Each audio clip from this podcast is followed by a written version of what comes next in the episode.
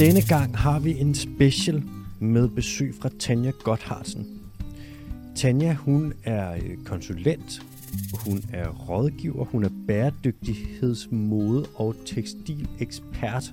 Hun er super skarp på, hvornår at øh, modeindustrien egentlig gør noget, der er grønt, hvornår de prøver på det, hvornår de lyver om det, og hvornår de ikke gør det. Og vi snakker øh, tøj. Vi snakker ikke så meget mode, fordi at der er jeg simpelthen 100% handicappet. Altså jeg klæder mig jo vidderligt som noget, der er fucking løgn. Jeg er et stilikon, jeg er bare ikke blevet opdaget nu. Men vi snakker om, hvad for noget tøj er bæredygtigt, hvad for noget er ikke. Hvad for nogle tøjfirmaer er greenwasher, hvis der er nogen, der gør det. Og hvad skal man have i mente, når man egentlig køber tøj? Er det godt med upcycled tøj, recycled tøj, genbrugstøj, hvordan og hvorledes?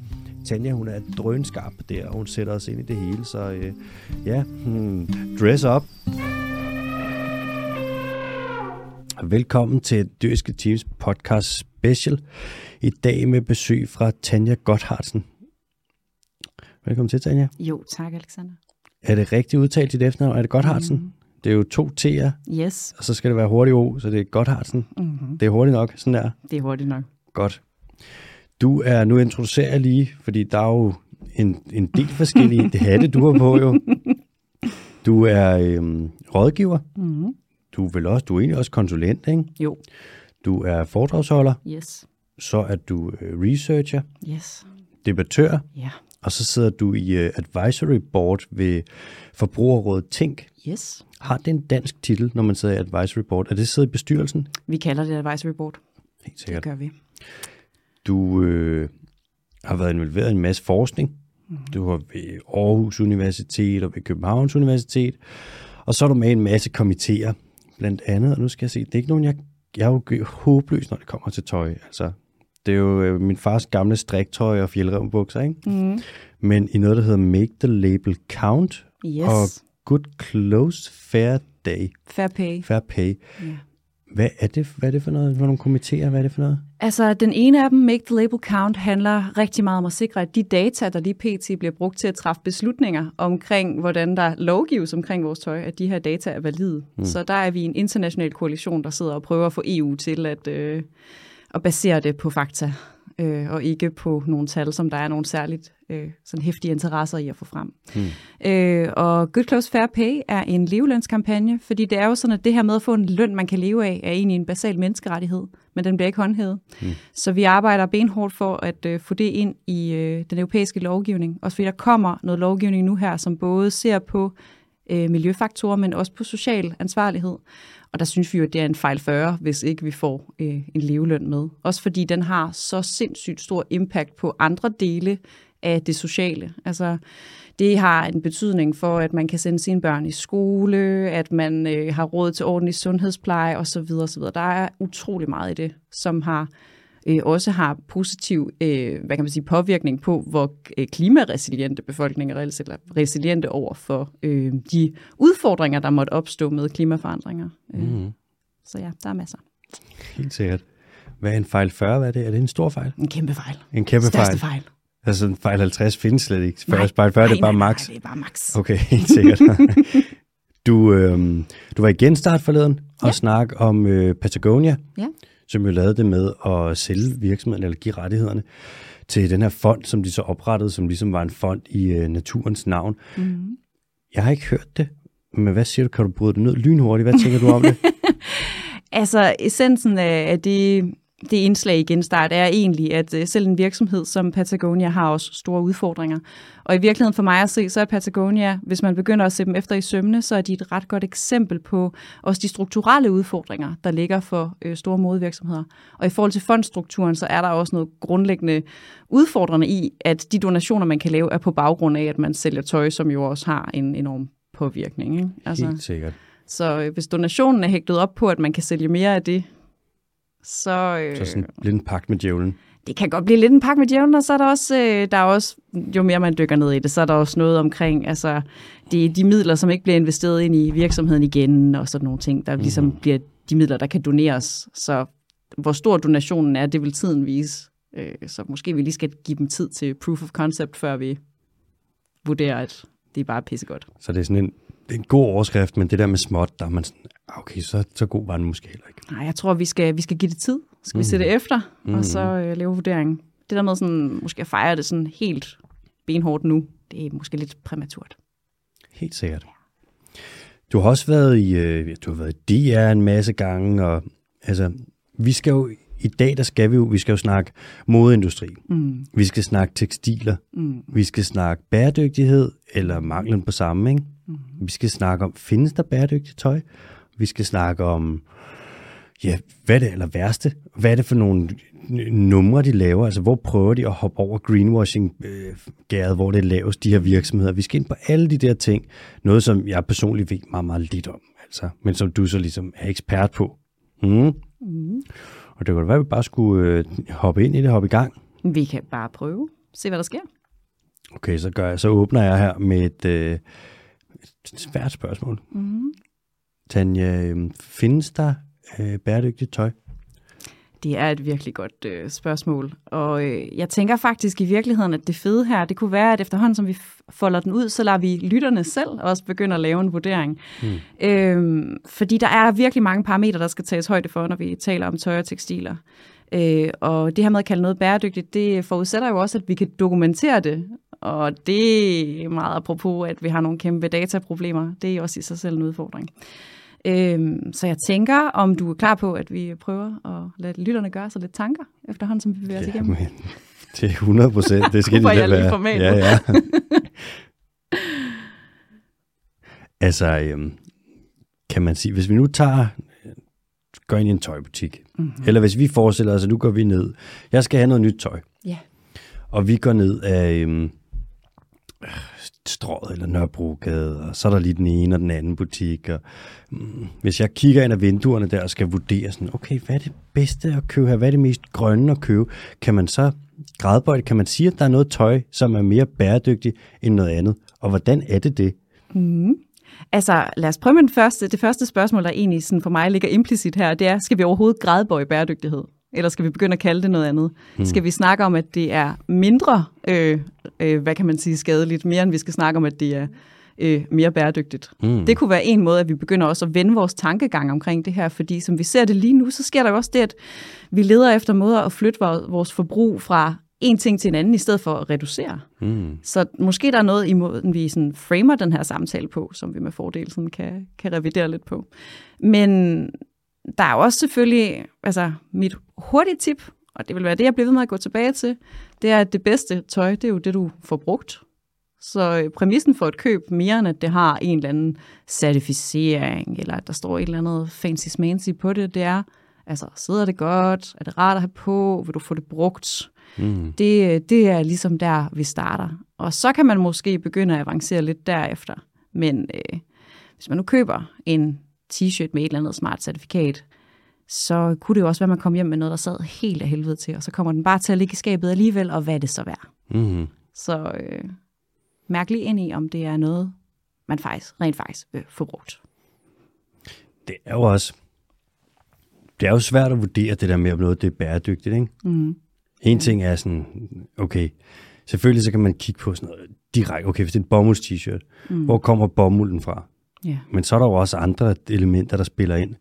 Så er der det med, okay, hvor bliver den lavet hen? Mm. Den fabrik, hvad for en energikilde bruger de? Så mm. spiller det ind. Yes. Så er der noget med farven til t-shirten. Hvor kommer den fra? Så er der noget med, at t-shirten, er det noget med, at det er bomuld, der er lavet i Pakistan for eksempel, og så bliver det syd i Portugal, og så bliver det pakket i Finland, og så skal vi have noget farvestof, der kommer fra øh, Paraguay. Altså, hvordan er det skruet sammen? Så er der transport, altså mm. lynhurtigt, og det er bare, hvis det er en t-shirt. Mm. Så er der jo vildt mange forskellige komponenter, som skal skrues sammen. Ja. Og så komme og sige, at den her, den er bæredygtig.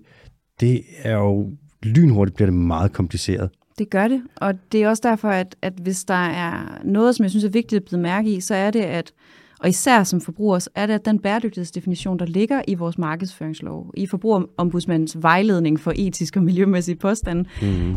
den er baseret på Brundtland-definitionen, og måden den læser Brundtland-definitionen på, og det er jo det her med, at vi ikke må leve på en måde, hvor vi forringer fremtidige generationers muligheder for at indfri deres behov på. Ikke? Mm. Øh, den læsning, der ligger i vores øh, forbrugerombudsmands vejledning, den er holistisk. Så det vil sige, at hvis du kalder noget bæredygtigt, så skal du kunne dokumentere, at det ikke øh, gør skade i det omfang, hverken socialt eller miljømæssigt, og det skal være i et livscyklus og et værdikædeperspektiv.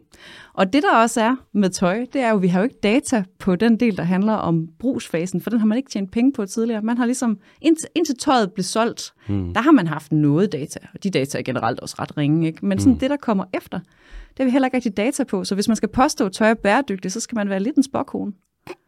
Og det er jo sådan... Det er jo sejt, hvis man kan øh, spå. Altså det, mm.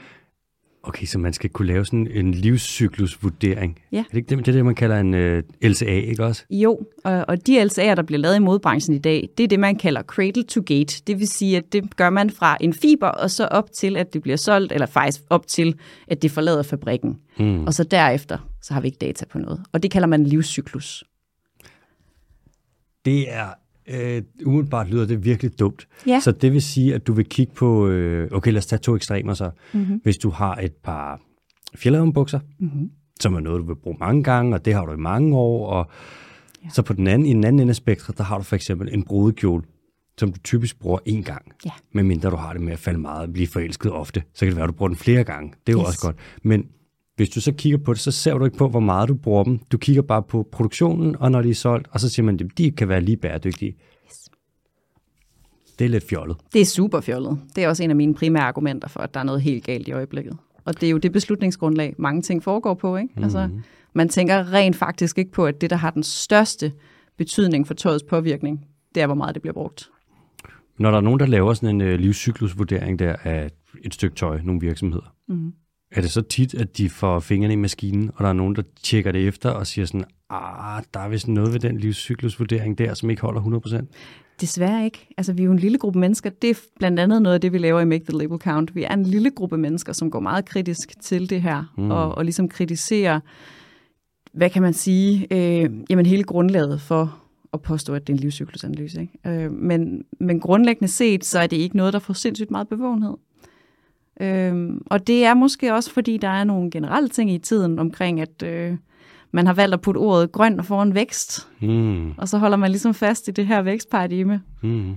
med lidt drys. Ja, så lige pludselig så er alting grønt. Det er alting grønt. Eller bio, eller klima, det ene eller det andet. Præcis. Og det vi har fra førende forskere på området, det er, at vi skal reducere produktionen af tøj øh, eller man kan sige, det ressourcemæssige aftryk ved tøjproduktion, det skal reduceres med 75-95 procent, før vi holder os inden for planetære grænser. Det er deres vurdering. Og den vurdering er ikke særlig håndfast, fordi igen, vi har lortedata. Så lige nu kan man faktisk på en eller anden måde godt sige, at det mest bæredygtige tøj, det er det, der ikke bliver lavet. Ja, og det tøj, man allerede har. Altså, få det brugt. Findes der nogen tal for, hvor meget tøj man egentlig har på global plan? Altså, Uh, ja. du spørger om noget godt nu, fordi mm. da jeg begyndte at sidde og rode med det her, der øh, vil jeg sådan, også bare lige have et overblik over, hvor meget tøj, der bliver lavet på årsbasis. Mm. Og nogle steder, der står der 80 milliarder stykker tøj, mm. og andre steder står der 150 milliarder stykker tøj.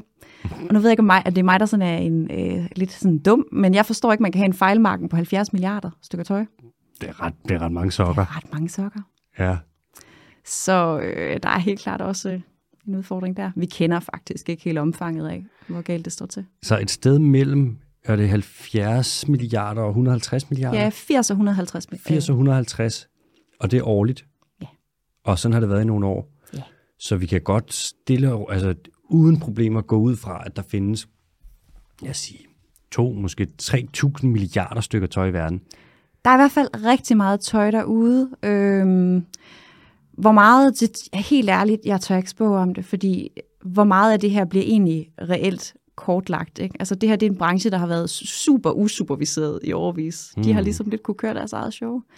Øh, og det er på godt og ondt, fordi branchen er heller ikke blevet taget seriøst, så den, er heller ikke en, den har heller ikke været en del af vidensøkonomien den er lige så stille blevet indhyldet i noget oplevelsesøkonomi og sådan nogle ting mm-hmm. i stedet for. Så der smart. Er, det er super smart. Så øh, det, er min, det er nogle af mine gode kolleger, der plejer sådan at stille det op på den måde. Og det kan også forklare, hvorfor vi står i det her mudder, vi står i i øjeblikket. Mm-hmm. Altså, der er ikke, det er ikke vidensarbejdere nødvendigvis, der har været med til at skeletere den måde, det foregår på nu. Mm. Øhm, det er tværtimod nogle virkelig dygtige marketingfolk. Det er købmandskabet. Det er købmandskabet. Det er køb, det er Og det er framing af historien mm. og så er det certifikater, og så er det nogle ord, som vi ikke helt alle sammen altid forstår at tænke over. For eksempel, altså, hvis jeg ser på noget, hvor der står LCA, et eller andet assessment, LCA 80% bæredygtig, bla bla bla, organic cotton, et eller andet sustainably farmed, fair trade, whatever. Så er jeg sådan, wow, det der, det er så bæredygtigt. Jeg gør jo verden en tjeneste ved at købe det der. Mm. Men samtidig så ved jeg godt, hvis det stod på en kotelet, så ville jeg tænke, der er nogen her, der prøver at lave noget gris. Ja. Hvis de har brug for så mange markader, så er det fordi, der er et eller andet, som skal... Altså hvis du laver... Nu tager jeg bare... Det er jo noget, jeg går meget op i, også meget inden for landbrug, ikke? Men hvis der er noget af det svin, som er rigtig, rigtig godt, mm. som er noget af det, hvor man er sådan, det der det er noget af det fine, så du kan få. De har sgu ikke alle mulige markader og alt muligt. De ofte, så er det ikke engang økologimærket. De er sådan, det behøver vi ikke, vi er bedre end det. Mm. Altså, de hæver sig over de rammer, de sådan økologimærke, det er en underscoring agtig, ikke? Mm. Birtes Minde for eksempel, eller sådan noget. Og det er vel lidt det samme som med tøj. Men det, man kan sige, så vidt jeg forstår det, så er der så meget tøj allerede, og tøjproduktionen er så stor, så, så længe du spæder til den produktion, der er for stor, så er det ikke bæredygtigt. Det er ikke bæredygtigt, men samtidig så må vi også huske på, at tøj er også en identitetsmarkør. Mm. Øhm, og modsat fødevarer, som er noget, vi oftest bruger én gang, så er tøj noget, vi bruger kontinuerligt. Så der er også nogle forskelligheder omkring de her øh, forbrugsmønstre, der ligger i det. Øhm, vores udfordring i øjeblikket er, at der er virkelig meget tøj i verden, men der er virkelig meget, altså, der er også meget af det, som er dårligt tøj, altså mm. som ikke fostrer en god selvfølelse hos folk, eller understøtter deres identiteter. Altså den seneste undersøgelse, der den er på vej ud øh, fra, jeg tror det er fra VIA, de har været ved at kigge lidt på pasformen bare, mm. og de er kommet til den konklusion, at det, altså 8-12% af nyproduceret tøj passer nogen. Så vi har for nogen? passer nogen, så vi har en 88-92% af alt det tøj, der laves, det passer ikke til nogen. Så dumt. måske vi også bare kunne starte med at fjerne det tøj, der ikke passer til en krop, og ikke passer til en målgruppe. For eksempel. Mm. Det var et nemt sted at starte, ikke? Okay. Det leder op til øh, næste store spørgsmål. Mm. Og det er et meget stort spørgsmål. Ja. Hvilket, hvis vi kigger på tøjproduktionen, ikke? Mm-hmm. globalt, hvilket aftryk sætter den på verden? Og nu tænker jeg særligt i forhold til for eksempel klima, mm. biodiversitet, udledning af kemikalier, overskridning af planetære grænser, og så videre, og så videre, og så videre. Altså, mm. hvilket aftryk sætter tøjproduktionen? Jamen altså, for det første kan man jo sige, at, at det er svært at sige noget helt håndfast, fordi vi har så sindssygt dårlige data, og vi faktisk ikke helt har en fornemmelse af, hvor meget der bliver lavet. Mm. Øh, men også fordi der har været rigtig mange forskellige interesser i at prøve at fast med, fastsætte eller benchmarke, mm. øh, hvor, stor, hvor stort, øh, stor impact det har. Det man sådan kan sige, det er, at det europæiske miljøagentur, de vurderer, at tøj og tekstiler, de udgør, og de, de laver en, der hedder tøj, tekstiler og fodtøj, mm. men at det udgør den fjerde største miljømæssige øh, sådan belastningskategori eller belastningssektor. Den fjerde største. Fjerde største. Så den er overgået af vores øh, fødevare, vores tag over hovedet og vores transport. Så kommer Wow. wow. tekstiler lige efter. Shit. Yes. Mm. Og størstedelen af den påvirkning ligger jo faktisk uden for EU's grænser. Mm. Og det, øh, det er jo også værd at, at sådan tage med. Ikke? Altså, det er også, vi sviner andre steder. Det er ja. ikke herhjemme. Så ser man det ikke, og så er det også nemmere at glemme det jo. Fuldstændig. Og hvis vi ser på sådan specifikt dem, der har prøvet at lave nogle estimater på CO2-udledningen, så altså FN, de har været lidt gift med en idé om at sige, at det er 10 procent af de globale CO2-udledninger, der kommer fra tøj og tekstiler.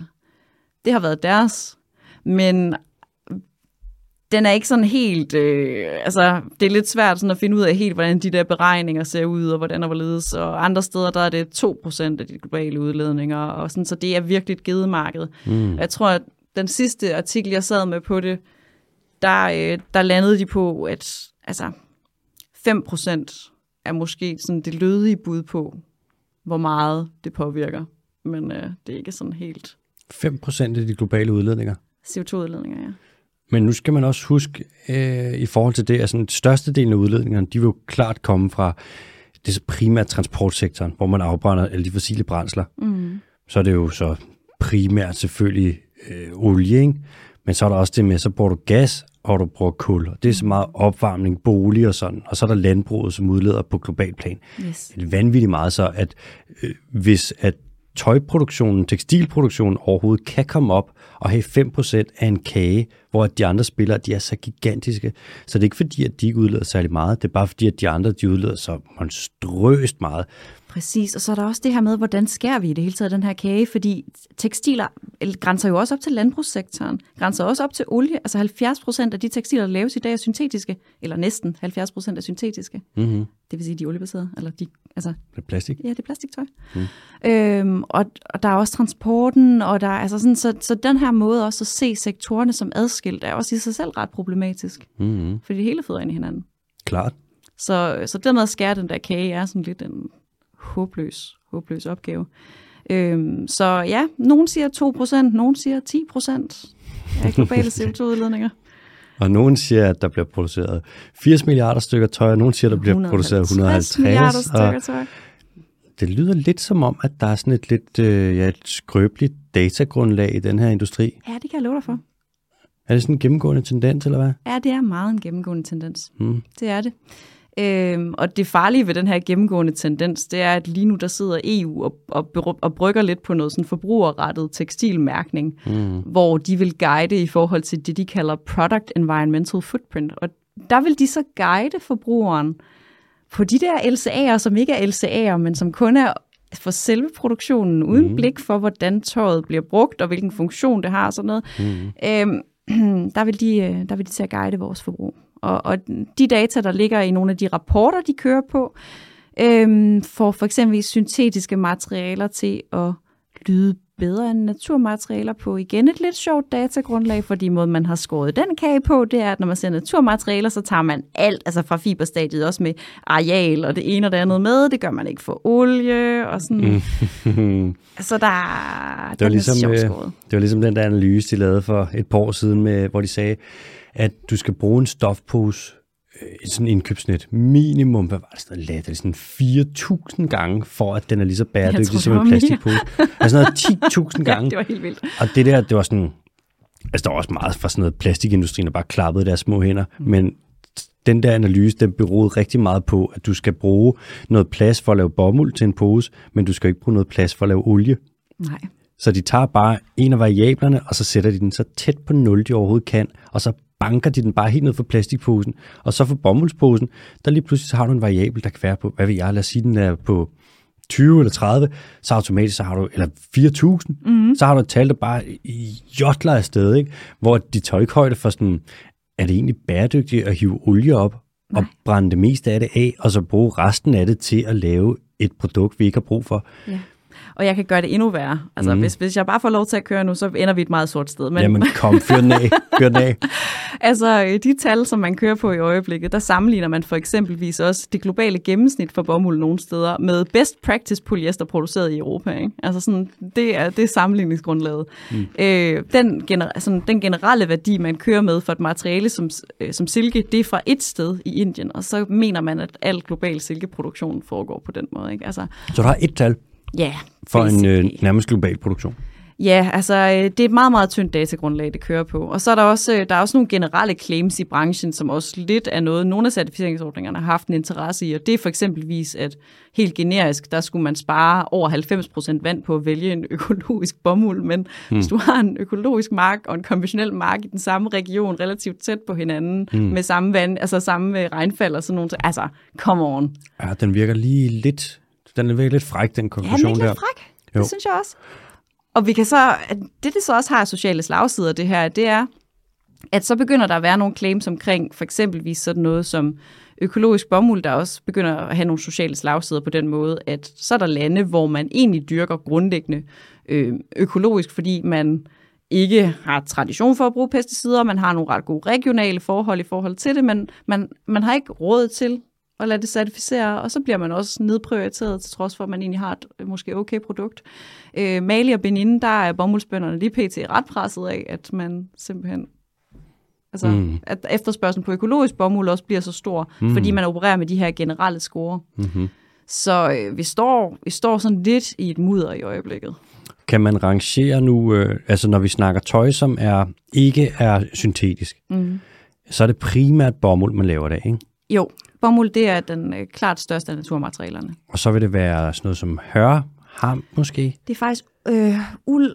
Øh, det, det er sådan lidt svært. Altså hvis vi sådan skal lave en, et lavkagediagram over øh, fibrene. Og nu laver Tanja bare så hun laver en lavkage med sine hænder, og jeg kan se, hænder. at vi snakker en lavkage i fire lag, og nederst der har vi, ja, vi har bund, så har vi creme, vi har bund, vi har banan, vi har creme, og du kører bare. Og jeg vil have ekstra flødeskum også. Jamen, det får Ja, du, det tak. får du selvfølgelig.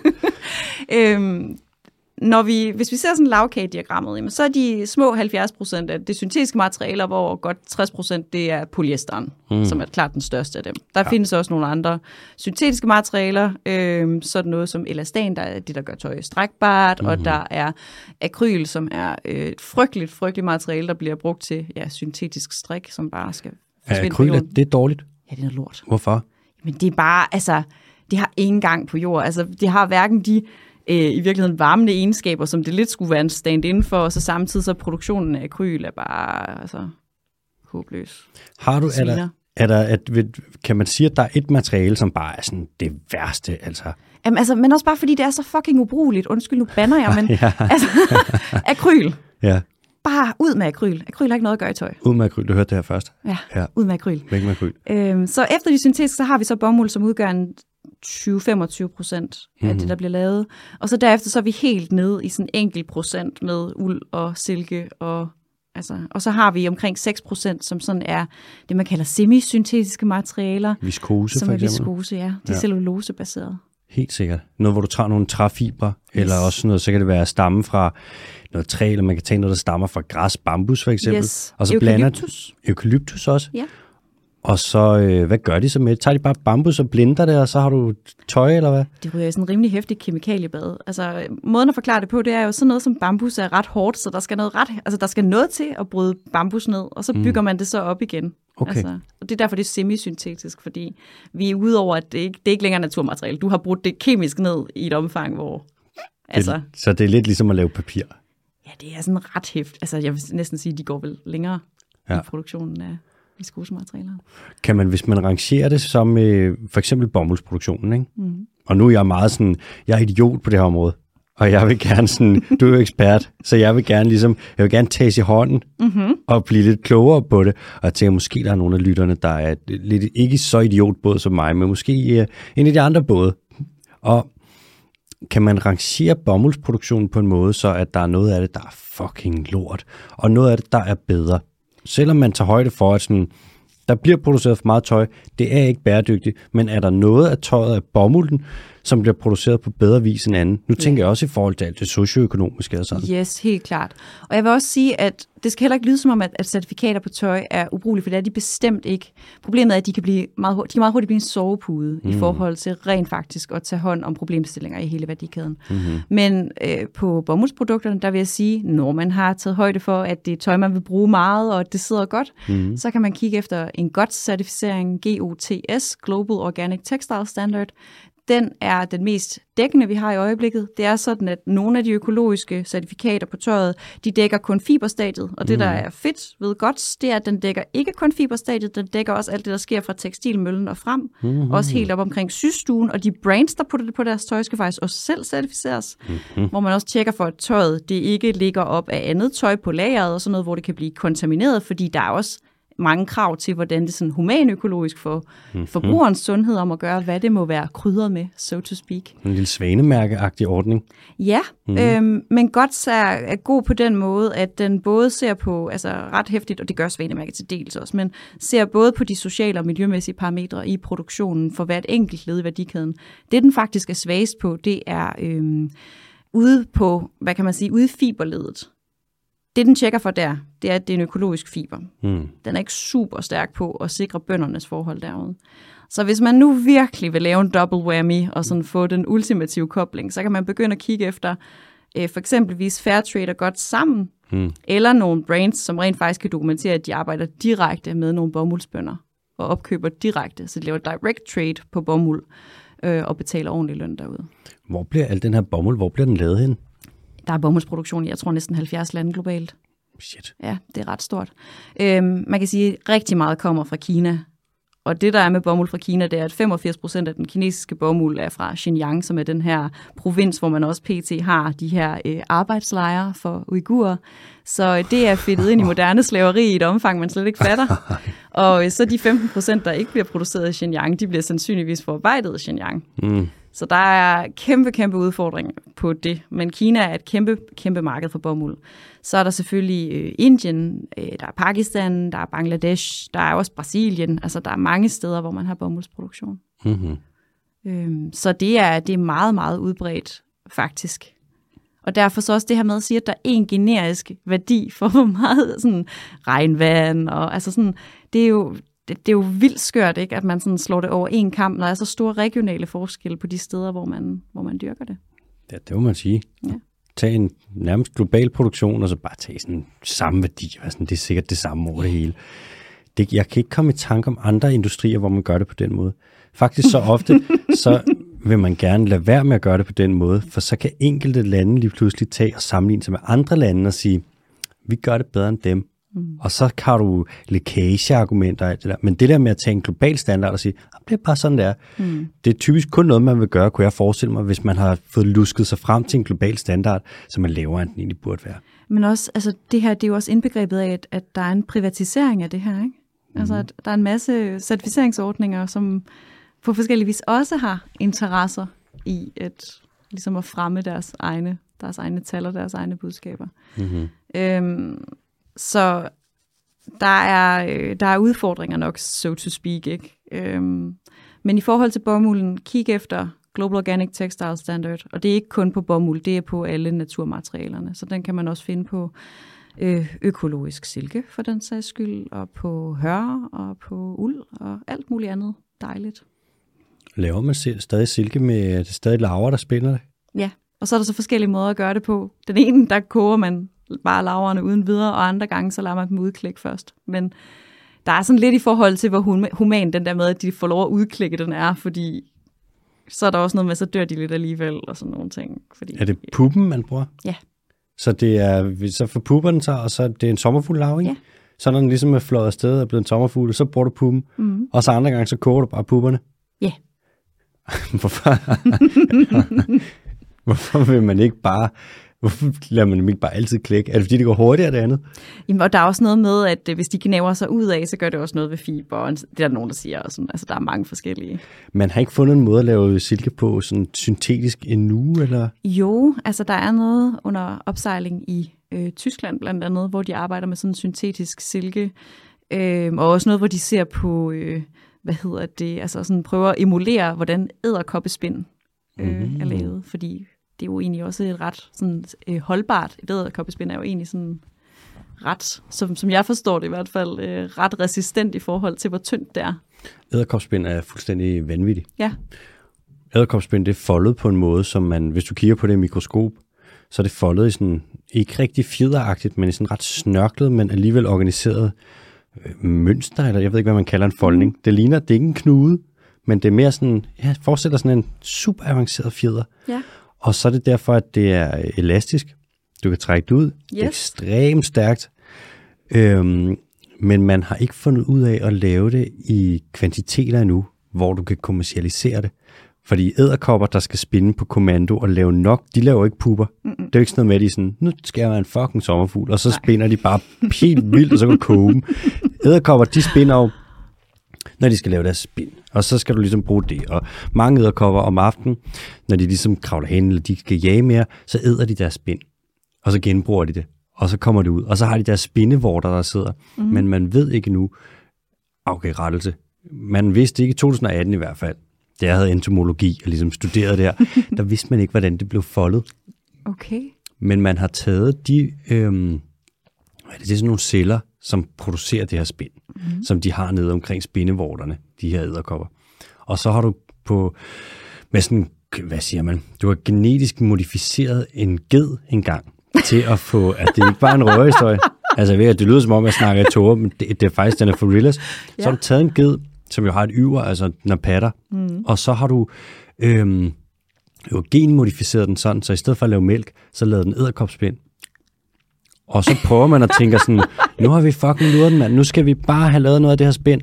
Og så malker man den her ged, og så kommer der bare sådan noget underligt klistret, viskeagtigt noget ud. Mm-hmm. Øhm, og så kan den godt lave, producere æderkopspind ud af patterne, hvilket man jo kan, hvis man er sådan Spider-Man-ged, ikke? Ja, eller Spider-Woman-ged. Men det bliver ikke foldet i det der sirlige, underlige, fjederagtige mønster, Nej. så det er ubrugeligt, og man ved ikke, hvordan at de får det foldet. Så det er sådan en lille underlig lille mysterium omkring æderkoppernes røv.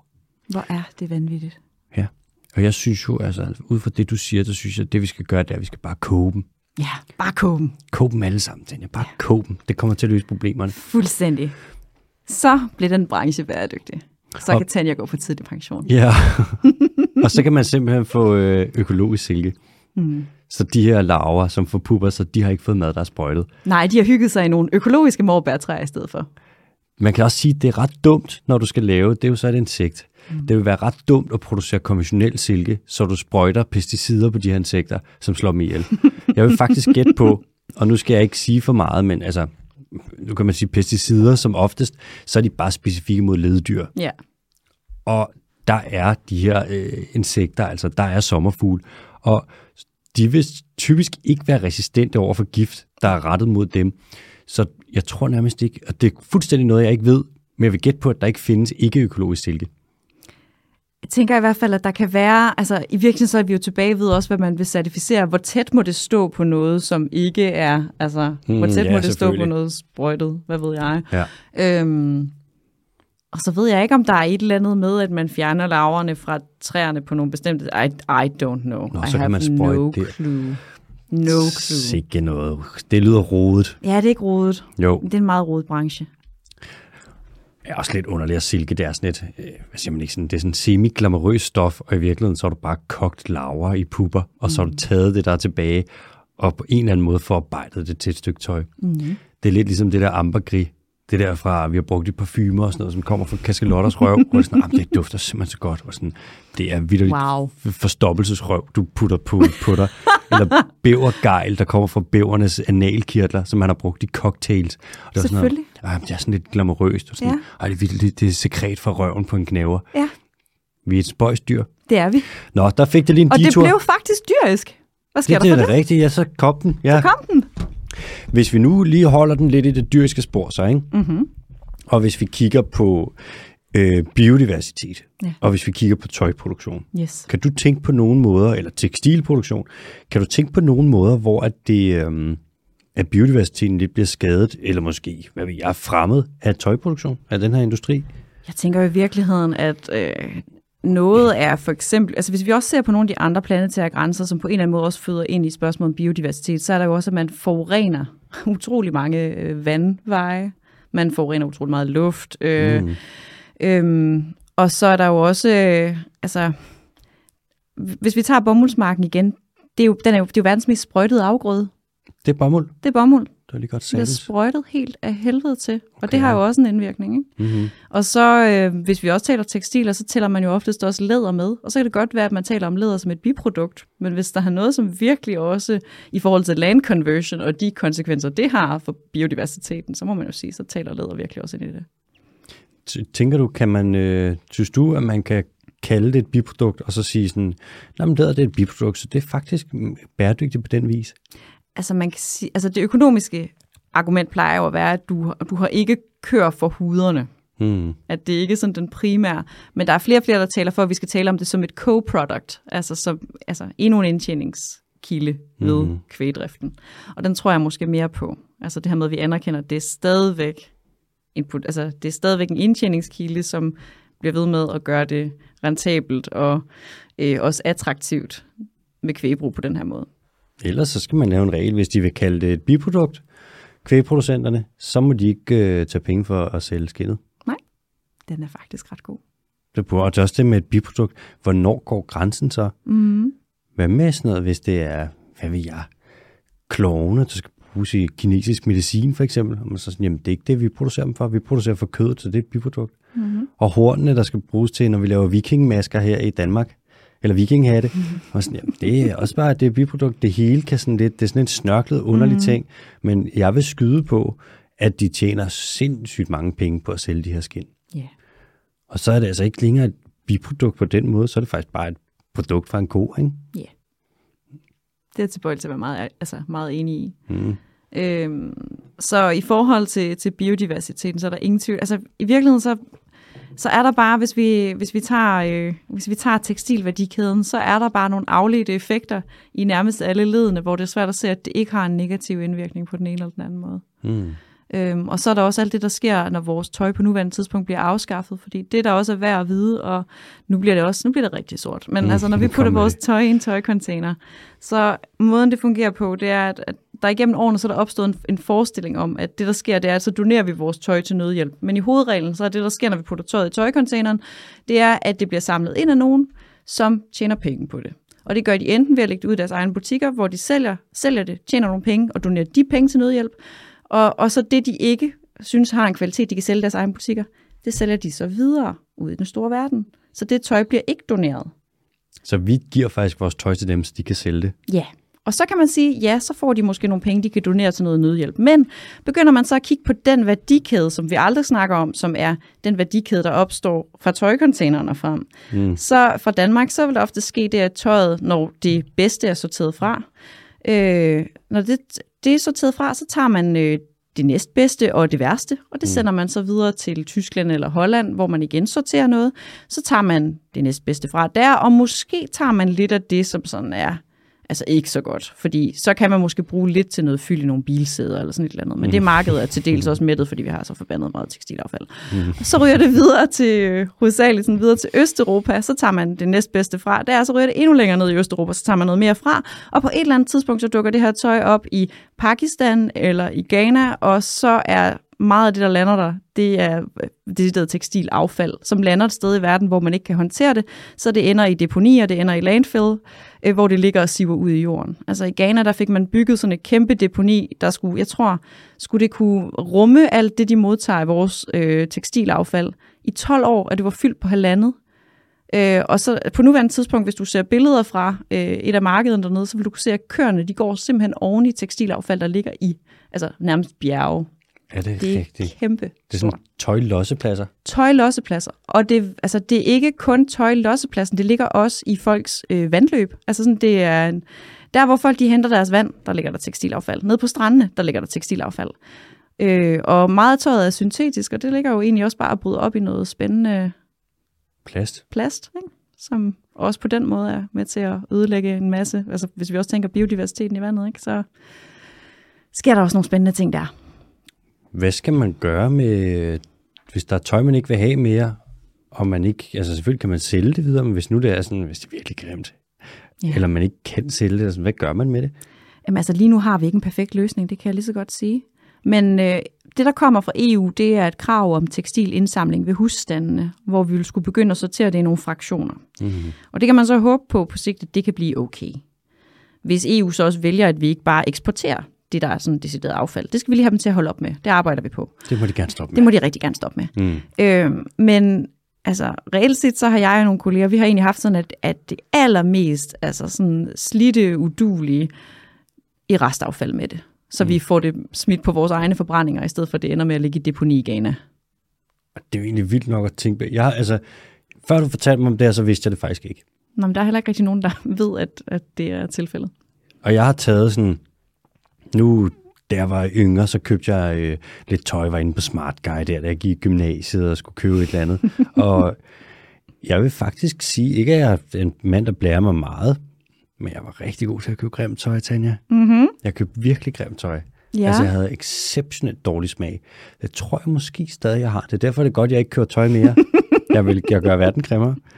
Men øh, meget af det her tøj, det har jeg så bare nogle gange, så har jeg været sådan, åh, den der fucking grimme t-shirt der, den har jeg ikke brugt i fire år, fordi den er så grim. Nu gør jeg lige noget godt for verden. Pakker det ind der, cykler ned forbi en rød korscontainer og smider det i, og tænker sådan, sådan, mm. så er der sgu nogen, der, hvad vil jeg, måske kan tage den her på og glædes over den, selvom den er pissegrim, mand. Men og det er i virkeligheden slet ikke det, der så sker egentlig. Det er i hvert fald ikke sikkert. Nej. Men jeg vil også sige, at vi står jo også i en situation nu, hvor det her det kan simpelthen ikke være den individuelle forbrugers ansvar Altså, vi er jo nødt til at sørge for, at det her på et strukturelt plan bliver løftet. Mm. Øhm, og det er også derfor, jeg sidder med i så mange koalitioner og alt muligt andet, ikke? fordi jeg synes virkelig, at vi har brug for, at, at det her bliver, øh, bliver lettet. Altså, vi kan jo ikke alle sammen træffe perfekte valg i alle dele af vores øh, forbrug som enkelte individer. Vi kan ikke være eksperter på alting heller. Mm-hmm. Så, så nogle ting må vi simpelthen bare se at få styr på. Og jeg kan også sige, at der vil også være nogen i forhold til det her med tekstilaffaldet og, og tøjet, vi eksporterer. Der vil også være nogen, som siger, at jamen, de kan vel bare sige nej. Men der kan jeg jo sige så meget, at en række afrikanske lande, de prøvede tilbage i 1617 og simpelthen at nedlægge et forbud mod at tage imod vores tekstilaffald. Og der blev de så lige pludselig en, af, af Vesten, så at sige, truet med, at så vil de blive fritaget, eller frataget en frihandelsaftale, hvis ikke de ligesom vil aftage. De bliver troet De til bliver truet. at tage imod vores lortetøj. Ja, det kalder man waste colonialism. Yes. seriøst.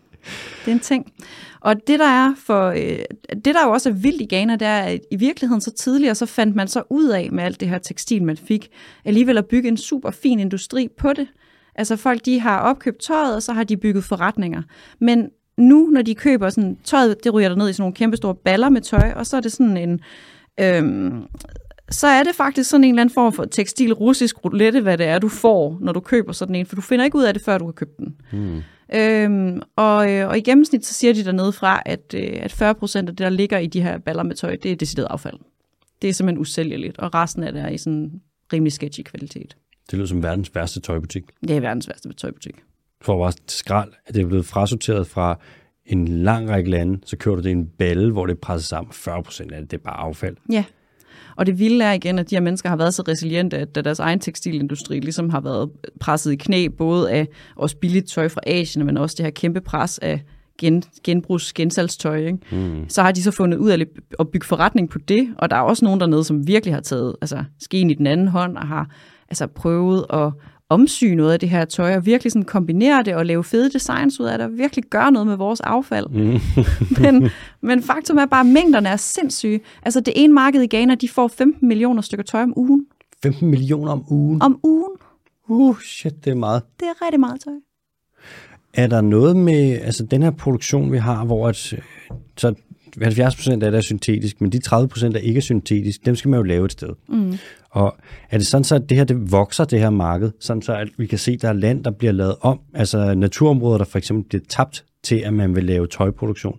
Eller kan vi se, at der er noget som for eksempel, nu tænker jeg uld, det er vel primært noget, man vil lave i lande med mange får. Det kan for eksempel være Irland, eller det kan være New Zealand, eller mm. det kan være Island har de vist også en del for. Men øh, vil du så, ser man nogle gange, at der bliver ryddet naturområder, er vi Ved- simpelthen, har vi udledning af det, man kalder øh, LULU, eller Land Use Change, whatever, fra at man vil lave tøj? Ved hvad det vilde er rent faktisk, at når man ser på mængderne af, hvad der bliver lavet fra 70'erne frem til i dag, så har mængderne af naturmaterialer, de har ligget stabilt, og nogle af dem er endda faldet.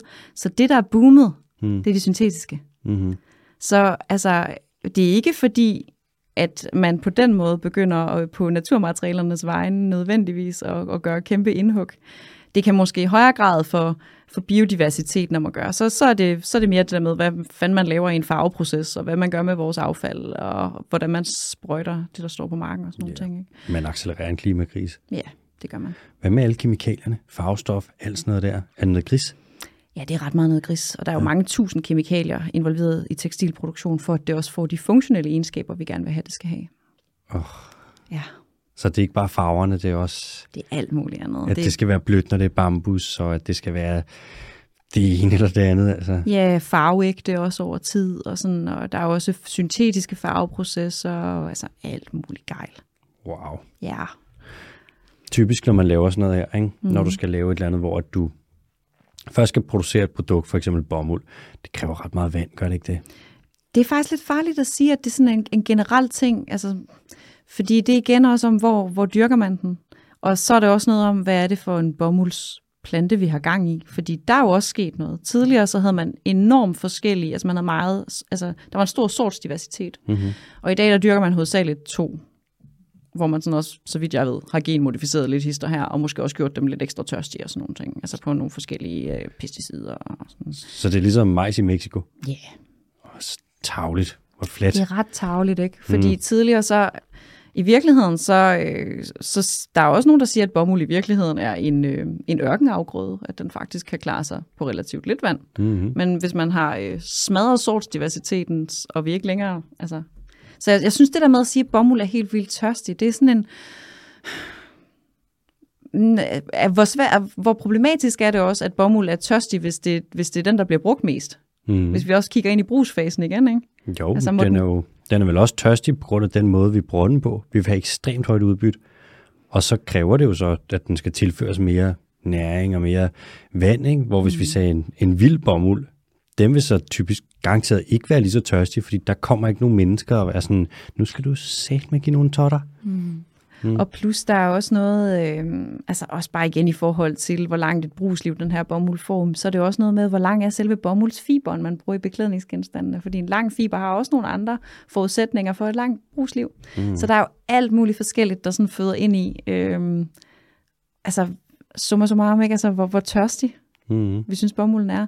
Og så er der jo også, altså hvis vi ser på påvirkningen, så er selve fiber, fiberpåvirkningen er jo ikke det er jo ikke det, der bonger mest ud i produktionen. Det er jo også alle de andre steder senere i værdikæden, hvor man gør alt muligt ved det. Mm. At der virkelig også kan være meget vand på spil. Ja, for eksempel, man skal farve og yeah. vaske og alle de der ting. Ja. Yeah. Ved du egentlig, hvordan de laver... Og totalt random spørgsmål det her. Ja. Men har du set, ja selvfølgelig har du det, de der cowboybukser, man kan købe nogle gange, som, hvor man køber dem slidt, ja. hvor der er huller i, mm-hmm. og hvor de har sådan, det ligner sådan noget, uh, det skal være rock and roll, men det er bare sådan, virkelig bare slidt tøj, man køber. Mm-hmm. Hvordan for, laver man øh, nyt tøj slidt på den måde? Det gør man blandt andet ved det, man kalder sandblasting, hvor man sådan står og bare altså, kører sand på det, og slider på det. Og det der er, det er de tekstilarbejdere, som tit og ofte gør det her uden beskyttelsesgrej, mm. øh, de får det ned i lungerne. Så de står og sandblaster øh, jeans til øh, fast fashion virksomheder, som sælger ja, præslidte denim jeans. Så de bliver faktisk øh, betalt nok ret dårlig løn mm-hmm. for at ødelægge noget nyt tøj, mens at de smadrer deres lunger? Ja. Smart. Og der er det vilde er, at der er jo faktisk fundet metoder til at gøre det her, hvor man kan gøre det med laser og alt muligt andet, men det koster måske lidt mere. Og... Så får du bare en eller anden underbetalt arbejder til at stå og gøre det med en sandpistol? Ja. Yeah. Det er spøjst. Ja. Yeah. Det er en spøjsbranche. Ja, det kunne man måske godt gøre lidt bedre. Ja, kunne man ikke det?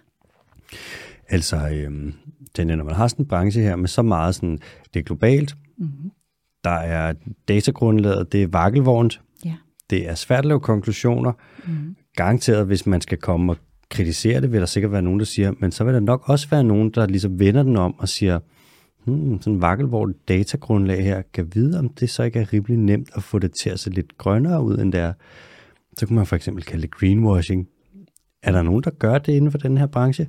Ja, det skal jeg da lige love dig for. Altså, det er jo fuldstændig... Øhm, jeg tænker, hvis man sidder derude som lytter, så har man øh, nok mødt de første annoncer i dag, der fortæller en, at noget tøj, det skulle være bæredygtigt. Og hvis ikke det bliver kaldt bæredygtigt, så bliver det kaldt miljøvenligt, eller en eller anden generel påstand. Mm. Øhm, og som Michael, øh, Dr. Michael øh, Browngart, som var en af dem, der var med til at stifte Cradle to Cradle-bevægelsen, han sagde så, altså, hitting your child five times instead of ten isn't going to help your child, so a little less bad isn't going to cut it. Altså, hvad er det, vi kalder venlighed, ikke? Mm. øhm, så også bare, altså, miljøvenligt som begreb, synes jeg også er problematisk. Der kan vi måske snakke om, at det er mindre miljøskadeligt for nu også at holde os på, at vi er konkret omkring, hvad vi mener. Mm. Øhm, men jeg kan jo give det eksempel, at jeg sidste år sammen med Forbrugerrådet tænkt øh, anmeldte Zalando og Boost og Minto og StylePit og noget, der hedder The Founded til Forbrugerombudsmanden for greenwashing. Mm. Øhm, og det gjorde vi til dels også, fordi vi gerne vil have Forbrugerombudsmanden til rent faktisk at øh, bare sådan lige øh, gøre klart, om det, der står i vores øh, markedsføringslov eller vores øh, vejledning omkring den her type type miljø- og, og hvad kan man sige, etiske påstande, øh, om, om det nu også er noget, vi mener. Mm. Øh, så vi lavede en anmeldelse og, og fik forbrugerombudsmandens ord for, at det er en skide dårlig idé. Men på Zalando, der var der 25.000 produkter, der havde sådan et grønt bæredygtighedsflag. Det var sådan en flot lille grøn ting på alle produkterne. Ja. Bæredygtighed. De, deres argument, det var så, at fordi der ikke stod bæredygtig, men fordi der stod bæredygtighed, at så var det okay. Nå, så det er ikke på den måde et markat, det er bare en, en værdideklaration. Mm, ja, det mente de jo så. Det er sådan noget der, der er rigtig, rigtig smart. Det er ligesom når Danish Crown, de siger, men vi siger ikke, vores svin det er klimavenligt, vi siger, det er klimakontrolleret. Mm-hmm. Og der er regler. Bare prøv at tænke, man kan slippe afsted med det. Alle ved jo, det er bare sådan, det bliver holdt for nar, ikke? Mm-hmm. Alle ved jo, at det er sådan, selvfølgelig kigger folk på det og tænker, at det så er bæredygtigt. Tænk, de slipper afsted med det der. Ja, og, men det vilde var, eller det tilfredsstillende i det her, var jo faktisk, at vores forbrugerombudsmand gik ud og sagde efterfølgende, at hun ville anbefale, at man ikke markedsførte sine produkter som bæredygtige. Så det var ret tilfredsstillende. Men altså, problemet med Zalando har helt klart været, at øh, altså, de har lavet argumentet med, at den, hvis der stod bæredygtighed, så var det okay. Og altså nogle af de produkter, som de har kørt med det her flag på, der var der sådan 20 procent det, man kalder genanvendt polyester i, og så mente de, det var nok til, at man kunne putte bæredygtighedsflaget på det, selvom vi lige har etableret, at bæredygtighed er et holistisk begreb i et livscyklus- og værdikædeperspektiv. Ikke? Um, Hvad tænker du om sådan nogle produkter, hvor man hører, at det er lavet af for eksempel gamle fiskenet, eller det er lavet af genanvendte øh, sodavandsflasker, eller et eller andet? Er det, sådan, er det, bare, er det bare super grønt så? Altså, øh, det vilde er jo rent faktisk, at, at vi har et produkt på markedet, der bliver solgt som recycled polyester eller genanvendt polyester, som ikke er gammel polyestertøj, der er blevet til nyt polyestertøj, men som er øh, PET-flasker, der er blevet lavet om til tekstil. Hmm. Og det er grundlæggende set en rigtig dårlig idé, fordi hvis vi holder det her PET som ja, fødevaregodkendt plastik, så kan vi genanvende det rigtig mange gange, men det øjeblik, man laver det om til tekstil, så bryder man ligesom den cirkularitet. Så er kæden gået i stykker. Så er kæden i stykker igen. Plus at, altså, når man så sender de her tekstiler ud i verden, så er der heller ikke, der, der følger heller ikke sådan øh, en deklaration på nuværende tidspunkt med omkring, hvad der så er i det. Så det der med sådan at skulle genanvende det senere, altså sådan, der er et kæmpe problem i øjeblikket i forhold til også for genanvendelsen om at gøre, at vi blander alt muligt lort, og vi laver alt muligt på forskellige måder, så der er ikke nogen standardisering og sådan. Mm. Øh, EU, de brygger sig sådan på det, de kalder et, et digital product passport, hvor de sådan vil begynde at få flere og flere data samlet sammen, hvilket er fint, men grundlæggende set at tage fødevaregodkendt plastik og lave tøj af det. Altså, så er det også noget med, at meget af det tøj, der så bliver lavet af det her, der tjener det ikke engang et funktionelt formål, fordi ja, altså sådan syntetiske materialer kan være okay til øh, regntøj og badetøj og sådan nogle ting. Der er det meget godt, at man ikke skal have sådan en lille, brud, hvad hedder det, øhm, øh, sådan en lille ja, bomuldsmamme look på, når man skal ja. bade for eksempelvis. Ikke? øh, men grundlæggende set, så bliver det jo brugt til også altså skjorter og kjoler og alt muligt andet, hvor man kommer til at have det som et lille drivhus, når man løber rundt i det. Ikke? Altså sådan, mm. hvor der, der er ikke noget funktionelt argument for at lave det her i polyester i første omgang. Øhm, så det, der er sådan en, en cirkularitetsløgn eller en cirkularitetsmyte til stede i det der med den recycled polyester. Og så er der også det her med, at det skaber også en afladsfølelse tit og ofte, oplever jeg hos forbrugere, at hvis der står, at det er recycled polyester, så lyder det som om, at det har en miljømæssig eller klimamæssig nulværdi, og så må man godt lidt alligevel. Mm. Og det er jo også det, der er, altså sådan, jeg kan, jeg kan godt forstå det, fordi det her, det er jo også, øhm, det er jo aldrig sjovt at få at vide, at man sådan skal, skal skære ned, eller skal ændre en vane på den måde. Det er i hvert fald udfordrende. Mm. Det kræver et overskud. Øhm, men vi har en branche, som er, apropos greenwashing, er rigtig god til at prøve at bilde os alle sammen ind, at bæredygtighed er noget, vi køber. Mm. og det vil jeg våge den påstand, det ikke er. Man kan sige, hvis det er det mest bæredygtige tøj, det er det, der ikke bliver produceret, så er det nok det mest bæredygtige valg at lade være med at købe det tøj, der ikke burde være blevet produceret. Ja, lige præcis. Altså, prøv at stille krav til. Altså i virkeligheden så plejer jeg også at sige, at det her det handler ikke en skid om askese. Det handler ikke om, at vi ingenting må, og at vi ikke altså, må nyde tøj. Tværtimod så handler det om, at vi skal under os selv det bedste. Vi skal være pissekræsende, når vi køber tøj. Mm-hmm.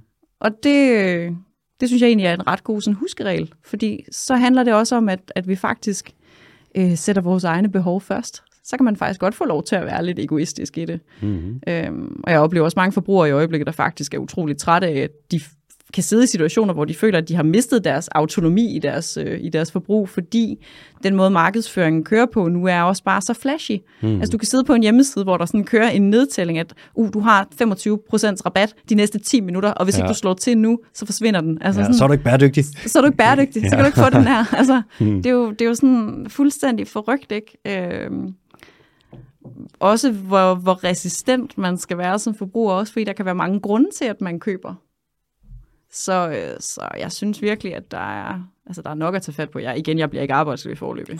Nej, det, gør jeg det tror jeg sgu heller ikke. Øhm, men der er mange, der greenwasher. Og der er mange, som i virkeligheden også, tror jeg, kommer til at gøre det utilsigtet. For så er vi tilbage ved det her med en branche, som ikke nødvendigvis har været en del af vidensøkonomien. Hvor at måden, jeg jo også ude som rådgiver, det jeg oplever der, det er også, at så har man kigget på konkurrenten og set, hvad de gør. Mm-hmm. Nå, men de bruger recycled polyester. Ej, det skal vi også. Mm. Det må være det rigtige. Ja og så får man lavet nogle lidt skøre beslutninger undervejs. Og så falder man også lidt i, når man hører nogle af de der ord, ikke? Mm. Recycling og genbrug og mm. upcycling og mm. ah, der er en livscyklusanalyse og det er genanvendt det hele, og vi har lavet det med de her, prøv at se, vi har det her markat, og så har vi jo et 80% en eller anden certifikationsordning, som er godkendt ved det her, det her panel, som jeg aldrig har hørt om. Prøv at se, det er så grønt det her. Det mest grønne, I kan gøre, det er at smide alt jeres tøj ud til i røde korscontainer og komme ned, og så købe alt det tøj, vi har her. Det er sådan, vi redder verden. det kan være, det er nyt. Det kan være, at produktionen er dårlig, og at folk får, bliver underbetalt og sådan. Og vi bruger kemikalier, og, men det er lige meget. Det er lige meget en plastikpose er lang, lang, lang værende stofpose. Husk det. Kom ind og køb en ny flis. det er jo det sjove er, at det, er jo, det kræver jo en masse arbejde at sætte sig ind i det. Mm. Og man kan, du sagde det også selv tidligere, forbrugeren har ikke tid til at sætte sig Nej. ind i alt. Altså man skal, du skulle være en, du skal være ultranørd, hvis du skal sætte dig ind i alting, du skal købe. Så er der tøj, så er der kosmetikprodukter, ja. så er der mad, så er der drikkevarer, ja. så er der det ene, så skal du have en bil, så skal du have hus, så skal du have alle de her ting, hvor vi kan ikke dykke ind Nej. i det, fordi du er ikke eksperter, men så bliver der nødt til at være først og fremmest første skridt på langt til vejen være, at der må altså være nogle regler for, hvad man egentlig må flage med. Ja, og nu siger du også det her med, at vi har alle de her former for cykleri, ikke? altså recycling og, mm. og så mhm. videre. Ikke? At det er også interessant at se, hvordan vi har en modebranche, som, hvis man ved lidt om cirkulær økonomi, så ved man, at der er nogle forskellige størrelser cirkler mm. med forskellige miljøpåvirkninger. Og den, som de alle sammen griber efter, det er den største, den, den med størst påvirkning. Mm. Øh, frem for at se på de inderste cirkler, som er dem, der handler om levetidsforlængelse af tøjet. Altså for eksempel sådan noget som reparation og også bare i det hele taget reduktion. Ikke? Altså sådan, mm. det er, der kigger man ikke. Man kigger i de cirkler, hvor man ligesom kan opretholde myten om, at vi kan fortsætte lidt, som vi plejer, hvis bare det hedder recycled. Så man kan sige, hvis det skal opstilles sådan lidt sort og hvidt, det værste tøj, man kan købe, det er tøj af dårlig kvalitet, yeah. som du egentlig ikke vil bruge særlig meget, og så vil du smide det videre. Yeah. Og det bedste tøj, du kan købe, hvis du endelig skal købe tøj, mm. og hvis det skal være nyt tøj, det er noget, hvor at du ved, at det er god kvalitet, så du har det lang tid, mm. og du ved, at du kommer til at bruge det. Du ved godt, du sidder der og taler rigtig meget for fjeldreven og klattermusen, ikke? det, er jo sådan en, det er jo sådan en ting, det kan biologer godt lide. Mm. Specielt hvis det er klattermusen. Jeg har købt en klattermusen taske. Kender du det mærke? Mm. Det er jo det er vanvittigt dyrt. Mm. Men det er også sådan, det er rigtig lækkert. Yeah. Det er lavet til klatre, og det er lavet sådan med Altså, det er så pisse solidt. Jeg har købt en taske, hvor der er i, i bunden, der er forstærkning med kevlar. Mm. Altså, det er jo fucking skudsikker vest, altså. Mm. Når du køber den, så skriver de inde på, jeg tror, jeg købte den på friluftslaget eller sådan noget, sådan en rigtig spejderbutik, skriver de, når du køber en klattermusen taske, så det første, du skal gøre, det er at skrive den i testamentet. Og sådan, uha. Mm. Så håber jeg ikke, jeg bliver træt af den. Nå, men altså, der er jo, der kan man jo også sige, at øh, der kan også ligge noget i friluftstøjet, det er faktisk også noget, hvis man vil slippe for at høre den der om Patagonia igen start, så det er også noget af det, vi sådan lidt runder, men ikke øh, får snakket sådan helt i dybden. Det kommer i hvert fald ikke med, og det er, at sådan grundlæggende set Patagonia, så er det jo også det er jo lavet til outdoor brug, men er blevet modetøj. Mm. Så det er også det her med, at vi skal bare, vi skal bare være opmærksom på, hvad det er for en forbrugermentalitet, vi tager med ind i det. Altså også, vi ser et problem lige nu, der også lidt hedder, at mange, som måske har købt meget fast fashion, så fordi at det er så svært at bryde med den der vane, så begynder man at overføre sine fast fashion vaner til genbrug. Men genbrugsmarkedet er jo altså direkte forbundet med, med markedet for nyt. Så vi ved også, at omkring 40 procent, de har allerede overvejet tøjets gensalgsværdi, før de overhovedet har købt nyt, fordi nu er det lige pludselig blevet muligt ligesom at cirkulere det på den måde. Ikke? Altså, så, er det rigtigt? Ja.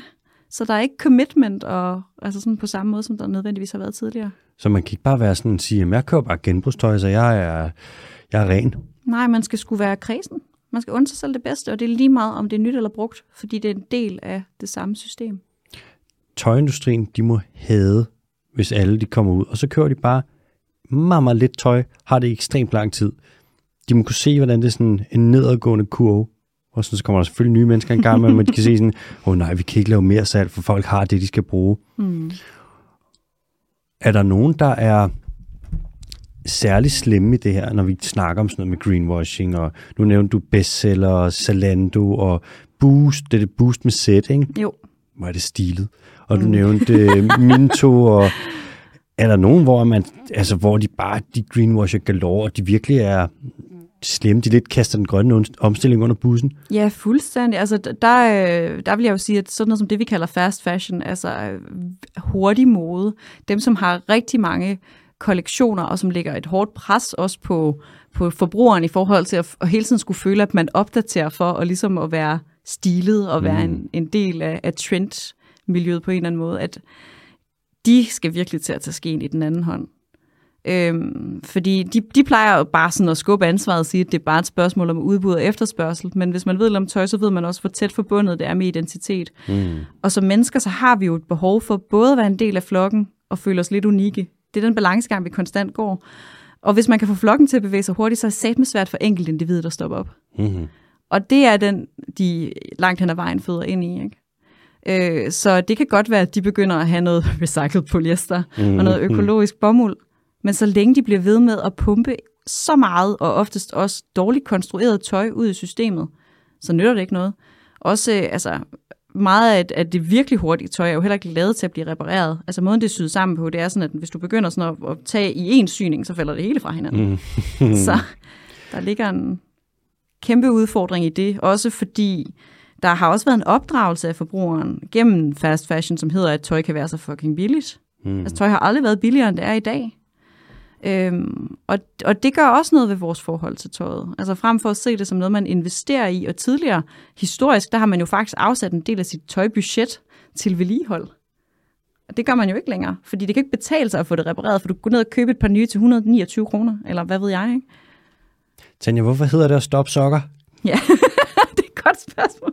hvorfor man stopper ikke noget? Nej, det gør man. Jo. Jamen, stopper, det er fordi, man stopper hullerne ud. Mm, altså, man kan jo sige, at, at de løber. Ikke? Altså sådan, hvis, en, hvis en maske, hvis man strikker noget, og det begynder at løbe, så, skal man stoppe så stopper det. man det. Det er da der, den ligger. Men så, hvis der er et hul i en sok, ja, en sok, så er det for, at det ikke skal løbe. Ja, det kan selvfølgelig være, ja. Så man skal stoppe løberiet. Ja, jeg tror, vi har, har, tror ikke, vi har gennemskuddet den nu. Det kan så godt være. er der egentlig øhm, nu dem, der ligesom skal gøre noget ved det her, mm-hmm. og hvis det skal bremse? Det er selvfølgelig sådan nogen som, som dig, der arbejder med det, og oplyser omkring det, og mm, melder nogen til forbrugerombudsmanden. Som vi hørte, er det ikke en kvinde?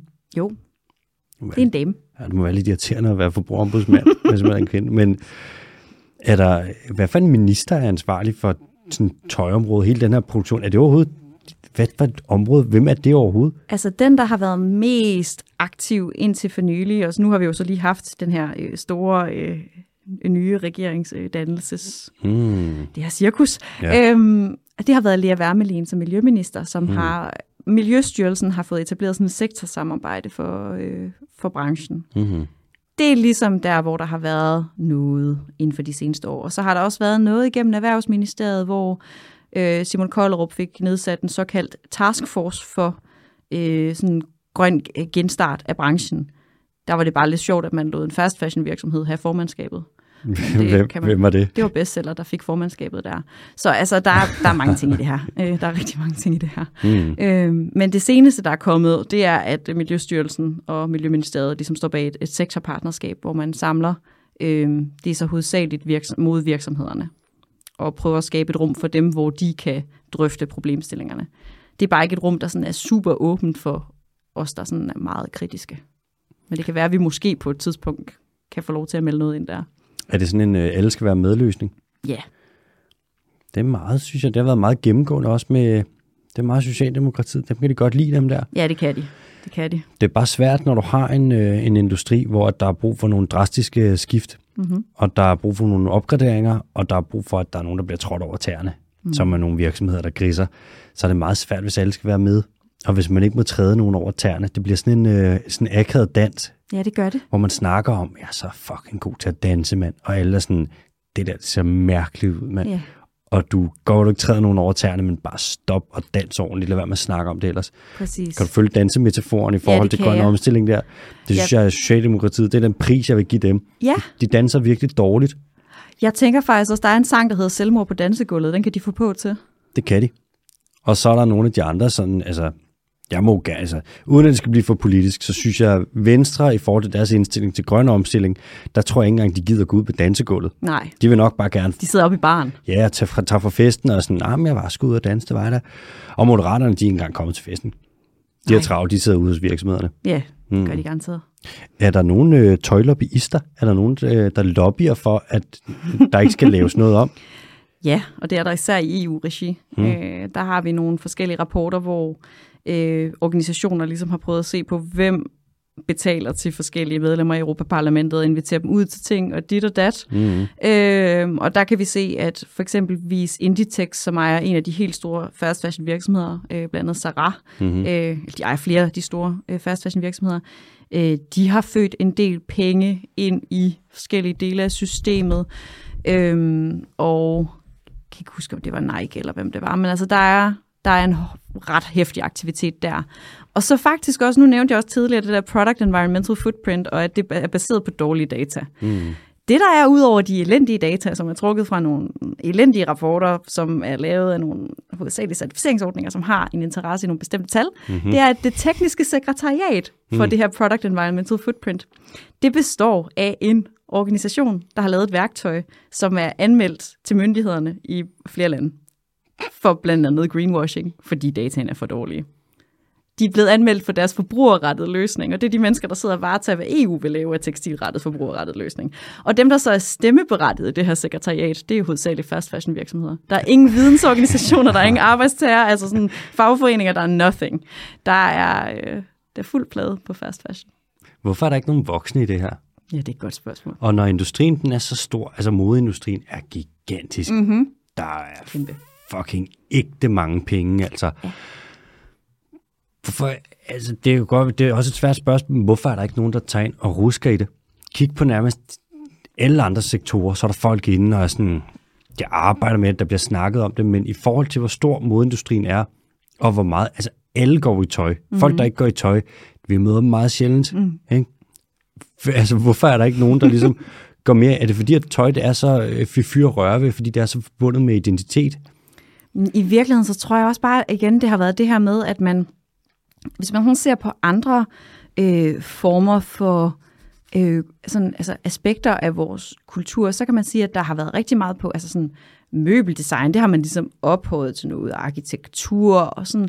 Og så har tøj alligevel haft sådan en lidt mærkelig rangering, hvor det, sådan, det har aldrig rigtig fået lov til at være hverken fin kultur, sådan ægte i Danmark. Og, altså, og, og, og samtidig så, øh, jeg, jeg tror bare et eller andet sted, så har man været man, man er flået under radaren mm. i mange, mange år, ikke? fordi ja. at man heller ikke sådan...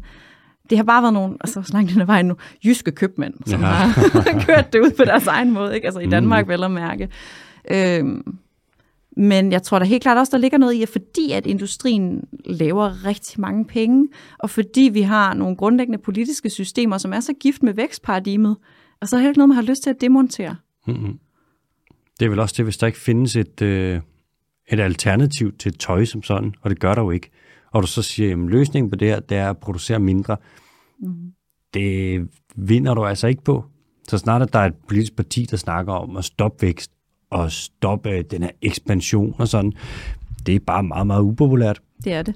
Og man kan sige med, for eksempel hvis du kigger på fødevare, så kan du sige, okay, øh, oksekød, som man har fældet øh, Amazonas for at dyrke, det er ikke det mest bæredygtige, der findes så er der produkter, der er mere bæredygtige.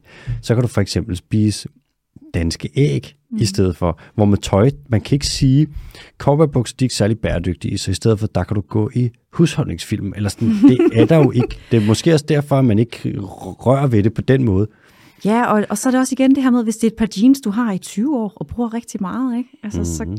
kan man jo også sige, at så kan det godt være, at de var dyre at producere i øh, miljøimpact, men summa summarum er, at de er blevet brugt meget, og de har, hvis de har stået i vejen for et andet køb, mm-hmm. så har de måske ikke været så slemme. Så du sådan jeans på, mens du sådan forsigtigt for dig selv siger Carpe Denim? Det burde jeg gøre. Det er jo rimelig Bruce Springsteen at gøre det, ved ja. du godt, ikke? Det vil, er det helt perfekt her til jul også. Mm, der skal ikke være nogen, der hører det. Det er fucking pinligt. Man bare sådan viske det forsigtigt. Så ja. bare sådan, Carpe Denim. Ja. Ej, det kan jeg mærke. Det, min juleferie kommer sådan virkelig til at gå med at embrace mine jeans på nye måder. Det skal du fuck gøre. Kaffe, denne. Tanja, øhm, vi har været lidt rundt nu jo. Mm. Det er jo et meget stort emne, ja, som vi pakker sammen her, ikke? På omkring, skal ikke, på omkring en time og 20 minutter. Ja. Og der er jo sådan, vi kunne jo dykke meget mere ned i nogle forskellige afgrupper. Mm-hmm. Kemikalievejen for eksempel, ikke? Vi kunne også dykke ind i det der med, hvor fucked up det er, at man tænker sådan, åh, oh, viskose og bambus, hmm, hvor er det lækkert og blødt og alt sådan noget, selvom det virkelig bare er super kemikaliebehandlet. Vi kunne snakke om det med, hvordan at upcycling, hvad fanden er det nu, og hvad er recycling og alle de her ting, og er der noget, der er bedre end noget andet, og hvad skal man tænke på? Men det lyder lidt som om, at hvis vi skal runde af på en måde, så at ja, lytteren ikke bliver super forvirret, mm. så skal det måske være med det korte sådan, kan man sige, øh, at have i baghovedet, at hvis man skal have tøj, hvis man skal have nyt tøj, så skal man købe noget, man bliver fucking glad for. Mm. Og man skal købe så lidt som muligt, og man skal købe noget, man har i lang tid. Og man skal bare klæde sig som en biolog. Ja, yeah, ved du hvad, den synes jeg faktisk er, øh, den synes jeg er stærk. Mm. Ja.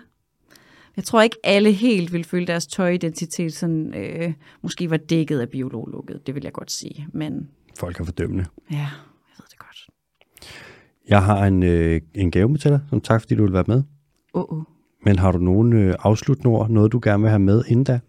Hmm, det er et virkelig godt spørgsmål, altså for, også for jeg kan jo virkelig blive ved, hvad det her angår. Uh. Men jeg tror, jeg tror sådan grundlæggende set, at vi har, øh, vi har rundet de sådan helt vigtige pointer fra min side. Sådan også for, at man som forbruger føler, at man ligesom kan gøre noget. Mm. Øh, men også apropos, hvem der gør noget, så vil jeg sige, at jeg har jo nogle sindssygt seje norske kolleger. Øh, så hvis man vil se, hvordan det her det ser ud, når det rent faktisk bliver håndhævet, så kan man begynde at google øh, greenwashing og altså den, det norske forbrugertilsyn, og så skal jeg ellers love for, at man kan se, hvordan det ser ud, når man slammer både H&M og Zalando og alle mulige. Gør de det op? Ja, det gør de. De er benhårde. Jeg knust elsker dem. Det er nogle af de bedste kolleger.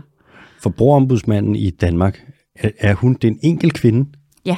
Så alt du melder til forbrugerombudsmanden som er en kvinde, det er simpelthen én person, der skal sidde med det? Nej, nej, nej. Der er et sekretariat hos forbrugerombudsmanden. Okay. Øhm, og de har lige fået tilført flere ressourcer til sagsbehandlingen, hvilket jo sådan set er, øhm, er rigtig, rigtig fint. Men meget apropos øh, det med Zalando, det minder mig faktisk om, at en pointe, jeg lige kan skyde ind her, det er, at øh, med onlinehandel, så har vi også det problem, at sagen omkring Zalando ligger faktisk hos de tyske forbrugermyndigheder nu, fordi at de er registreret i Tyskland. Hmm. Så øh, det kan godt være, at de sælger til danske forbrugere, øh, og, og forbryder sig mod dansk lovgivning i måden, de gør det på, men sagen lander alligevel et andet sted, og hvis så man ikke går lige så striks til det der, så, øh, så kan det godt blive lidt udfordrende.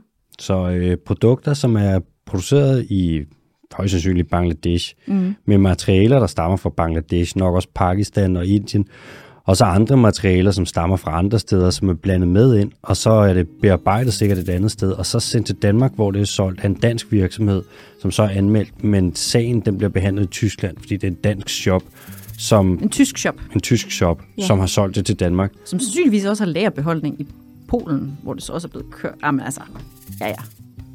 Det er godt, at øh, transportsektoren den ikke udleder noget CO2. Ja. ja. Nå, nu skal du fandme bare se. Hvad har du fundet på? Jeg har taget et stykke stof med til dig. Nej, jeg har sgu da ej. Jeg, skulle, altså, jeg er allerede helt på, at der er tekstil. Der er noget inde i. Ej, det der, det er jo et, øh, et stykke stof, som jeg har taget med en gang, hvor jeg var i øh, Tanzania. Og så har jeg fandme lavet en ting til dig. Du har simpelthen lavet en ting til mig. Ja, Ej, det er et skærebræt. ja, og et lille skilt. Mm, Ej, hvor er det fint. Tusind tak, Alex. selvfølgelig. Det er, øh, så er vi også vi er så tæt på jul, så det gælder også lidt som julegave. Ja, tak skal du have. Og så er det fandme øh, egetræ, som øh, se. min bror og jeg, vi har øh, ja, fandme ikke stjålet det i hvert fald. Og der var fandme ikke nogen, der havde smidt det ud.